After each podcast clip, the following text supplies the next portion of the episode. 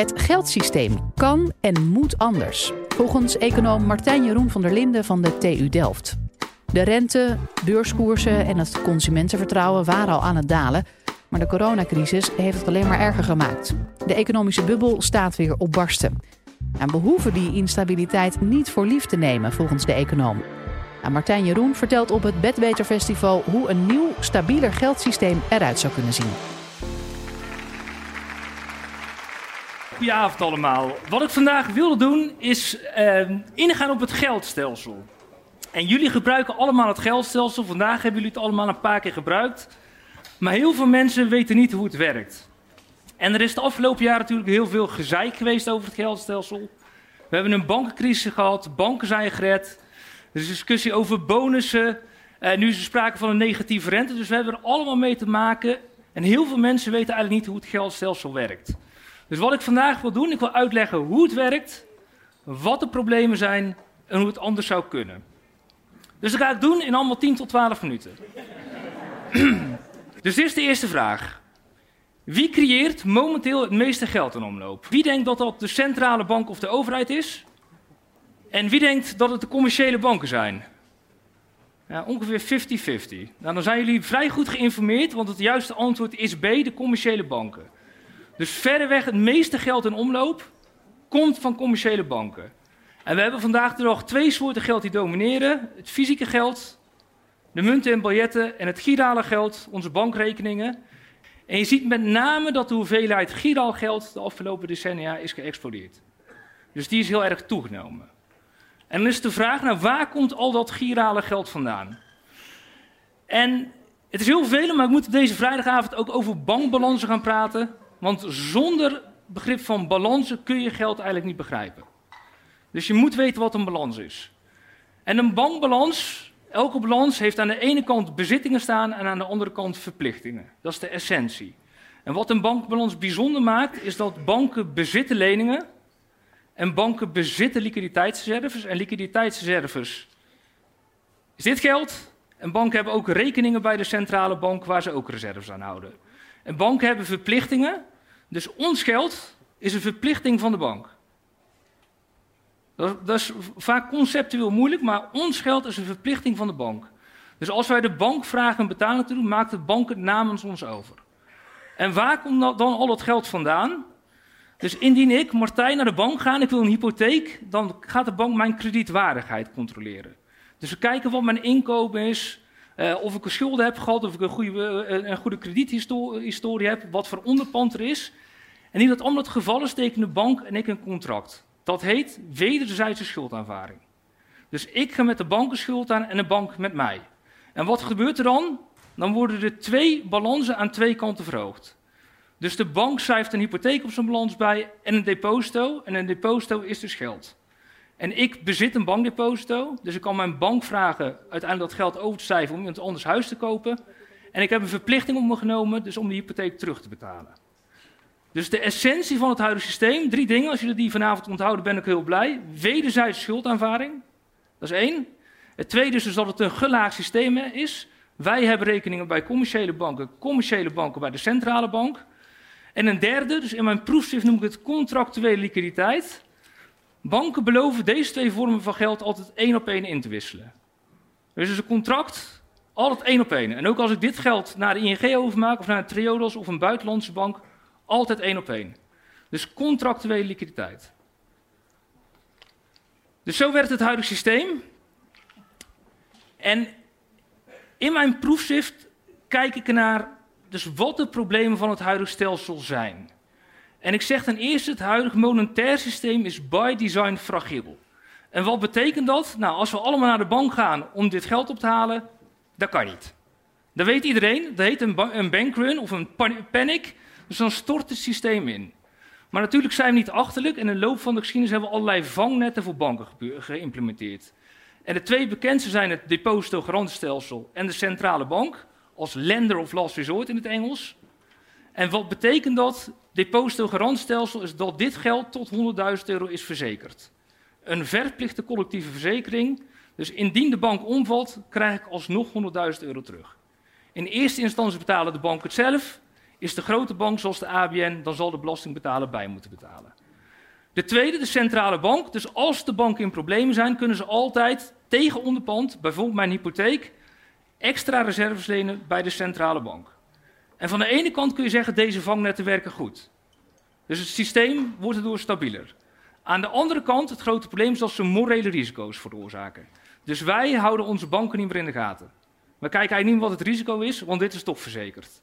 Waardoor banken meer risico gaan nemen. En we ook banken krijgen die naar ons land toekomen en heel risicovol zijn. Dus we houden ze niet meer in de gaten, maar in plaats daarvan vragen we toezichthouders de banken in de gaten te houden. Dus toezichthouders die gaan kijken wat die banken doen en leggen regels op. Bijvoorbeeld, banken moeten een bepaalde, een bepaalde hoeveelheid kapitaal of eigen vermogen aanhouden. Bepaalde liquiditeitsreserves. Ze mogen wel of geen bonussen geven. Dus er zijn heel veel regels bij banken uh, opgelegd. En wat je ziet als je naar de geschiedenis kijkt, dat er steeds meer en steeds complexere regelgeving komt. En in mijn ogen wordt het grote probleem is dat elke regel leidt eigenlijk tot nieuwe morele risico's. Dus als we zeggen er mogen geen bonussen worden eh, gegeven in Nederland, dan gaan banken naar de UK toe en dan voeren ze zelf een activiteit uit in Nederland en dan hebben we eigenlijk weer een regel nodig om dat te verbieden. Dus steeds meer, steeds complexere regelgeving zie je in de geschiedenis. De afgelopen tien jaar heeft de Bank of International Settlements, de centrale bank van centrale banken, 3000 pagina's nieuwe financiële regelgeving geïmplementeerd. En de Boston Consultancy Groep heeft berekend dat globale banken zoals de ING en de ABN, die moeten 200 wijzigingen per dag in regelgeving door, doorvoeren. Dus in alle landen worden die regels iets verschillend geïmplementeerd en ook heel de tijd gewijzigd. Dus dat betekent als de CEO van ING een week op vakantie is, duizend regels gewijzigd. En dan kun je dus echt afvragen in hoeverre je die CEO eigenlijk ook verantwoordelijk kunt houden. En dan de vraag die je dan eigenlijk moet stellen, zijn deze problemen nu eigenlijk opgelost de afgelopen tien jaar? En in mijn ogen dus niet, want we zijn steeds afhankelijker van fragiele vormen van geld. Dus in het digitale tijdperk gebruiken we natuurlijk ook digitaal geld. Dus hier zijn we steeds afhankelijker van. En we hebben steeds meer regels gekregen. Dus die problemen zijn er nog steeds, niets veranderd. Dus wat ik in mijn proefschrift doe, ik kijk naar digitale technologieën. En ik zeg, enerzijds zijn ze een kans om het systeem te verbeteren en anderzijds een bedreiging voor het huidige systeem.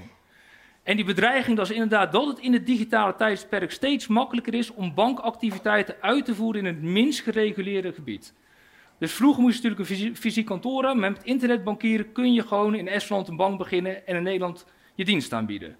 Een andere bedreiging is dus de data, de, de, de betaaldata. Dus toen we hier allemaal mee betaalden, was eigenlijk privacy gegarandeerd. In het digitale tijdperk niet. En anderzijds zie je dus dat digitale technologie een kans zijn. Dus het is veel efficiënter geworden. We kunnen nu bijna real-time betalen met deze bankpassen. En er komen van allerlei nieuwe vormen van geld. Wie kent de Bitcoin? Wie kent de Libra van Facebook? Nou, dus er komen een hele hoop nieuwe munten.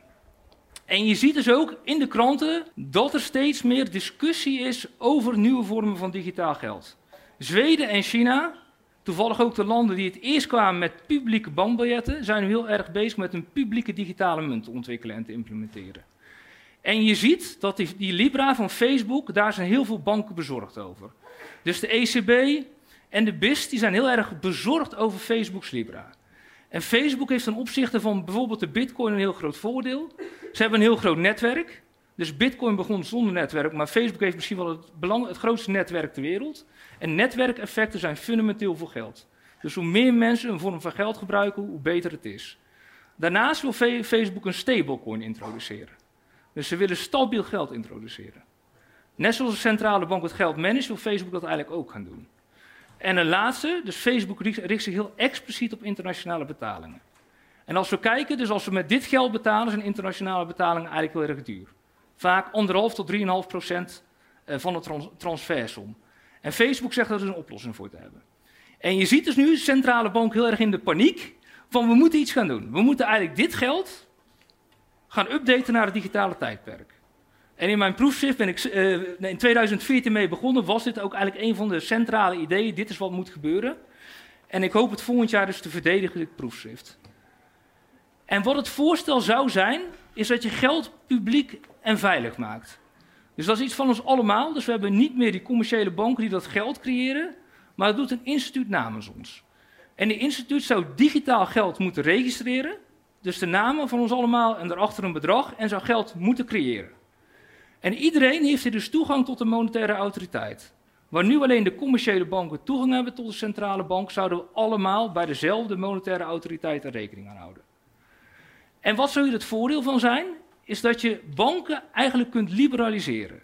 Dus al die regelgeving die we voor banken hebben, enerzijds dat beschermen en anderzijds dat beperken, die zouden we eigenlijk gedeeltelijk of grotendeels kunnen afschaffen. En je zou dus competitie krijgen op het gebied van betaaldiensten en op het gebied van lenen. En wat betekent dat, competitie bijvoorbeeld op het gebied van betaaldiensten, is dat je gewoon de betaalrekening, dus of je, je rekening die dus publiek is, die centraal is geregistreerd, die kun je openen in de app naar keuze. Of in de digitale betaalomgeving naar keuze. Dat kan van een kleine fintech zijn, dat kan van Facebook zijn, dat kan ook van de ING zijn. Het geld, de registratie is publiek, maar de dienst, dus de betaaldienst, wordt privaat aangeboden. En het idee hiervan is, dus als je dit gaat doen, dan zou je een aantal grote problemen van het huidige systeem oplossen. Je zou veel meer competitie krijgen. Het zou veel makkelijker zijn om een bank of een betaaldienst te beginnen, dus om, om, om, om in die markt te participeren. Waardoor er meer innovatie komt en waardoor er veel meer diversiteit komt. Dus dit idee is uitgewerkt, is ook al een aantal landen voorgesteld, maar nu dankzij Facebook's Libra zie je eigenlijk dat er een aantal landen politici in actie zijn aan het komen. Dus onderzoekers hebben dit al op een paar plekken in de wereld al een aantal keer voorgesteld. Maar nu door Facebook, dus een grote private partij, wordt het eigenlijk een mainstream onderwerp. En hoe zou dat er dan uit kunnen zien in de toekomst? Dus dit is een scenario waarvan ik, denk, waarvan ik zelf denk dat het vrij realistisch is dat dit over een jaar of tien het geval is. Dus we hebben allemaal rekening bij die centrale autoriteit. Dat heet digital cash. In de literatuur wordt het vaak central bank digital currency genoemd. Dus daar staat je geld publiek en veilig. Daar wordt er niks mee gedaan. Het is gewoon een registratie voor Martijn, heeft in dit geval 2500. Het staat stil, je weet dat er niks mee gebeurt. Het is niet gekoppeld aan een kredietportfolio, er zit geen rente op, het is gewoon jouw bezit. Je kunt het eigenlijk ook vergelijken met het kadaster. Het registreert bezit van geld. Maar daarnaast zouden er allerlei private vormen van geld kunnen zijn. Dus je zou kunnen zeggen, ik, ik wil graag een gedeelte van mijn geld wil ik toch in Libra stoppen. Een gedeelte van mijn geld ga ik investeren. En dan zie je dus, je zou verschillende fondsen kunnen krijgen waarin mensen hun geld allokeren. Dan zeggen, dit vind ik belangrijk, hier vind ik dat mijn geld eigenlijk iets moet doen. En het grote verschil wat hier gebeurt, indien jij een bankrekening opent, vertelt de bank je eigenlijk nooit wat ze met jouw geld gaan doen. Ze geven geen prospectus uit. En al deze fondsen die gaan vertellen eigenlijk, nou, ik ga het ING Groenfonds gaat natuurlijk iets uh, met groene economie doen. Het innovatiefonds van Triodos wil iets met innovatie doen. Dus je weet wat er met het geld gaat gebeuren en ze kunnen ook rapporteren over wat ze met je geld hebben gedaan. En onderzoekers zoals ik zijn natuurlijk bezig met dit soort systemen. Die denken naar wat voor monetaire instrumenten zou je dan kunnen gebruiken. En vandaag gebruikt de centrale bank altijd de rente. Maar in dit systeem zou je kunnen zeggen, indien we meer geld nodig hebben, plussen bij iedereen de rekening met één. En dan mogen mensen heel decentraal bepalen hoe ze het uitgeven. En een andere interessante is, er zou een limiet kunnen zijn op de hoeveelheid digital cash. Dus je kunt met elkaar afspreken, wat vinden we acceptabel dat een individu bezit aan geld. Vinden we 100.000, een miljoen, 100 miljoen acceptabel. En boven dat bedrag zou je negatieve rente kunnen, eh, kunnen eh, implementeren, zodat mensen eigenlijk worden gedwongen te investeren in anderen.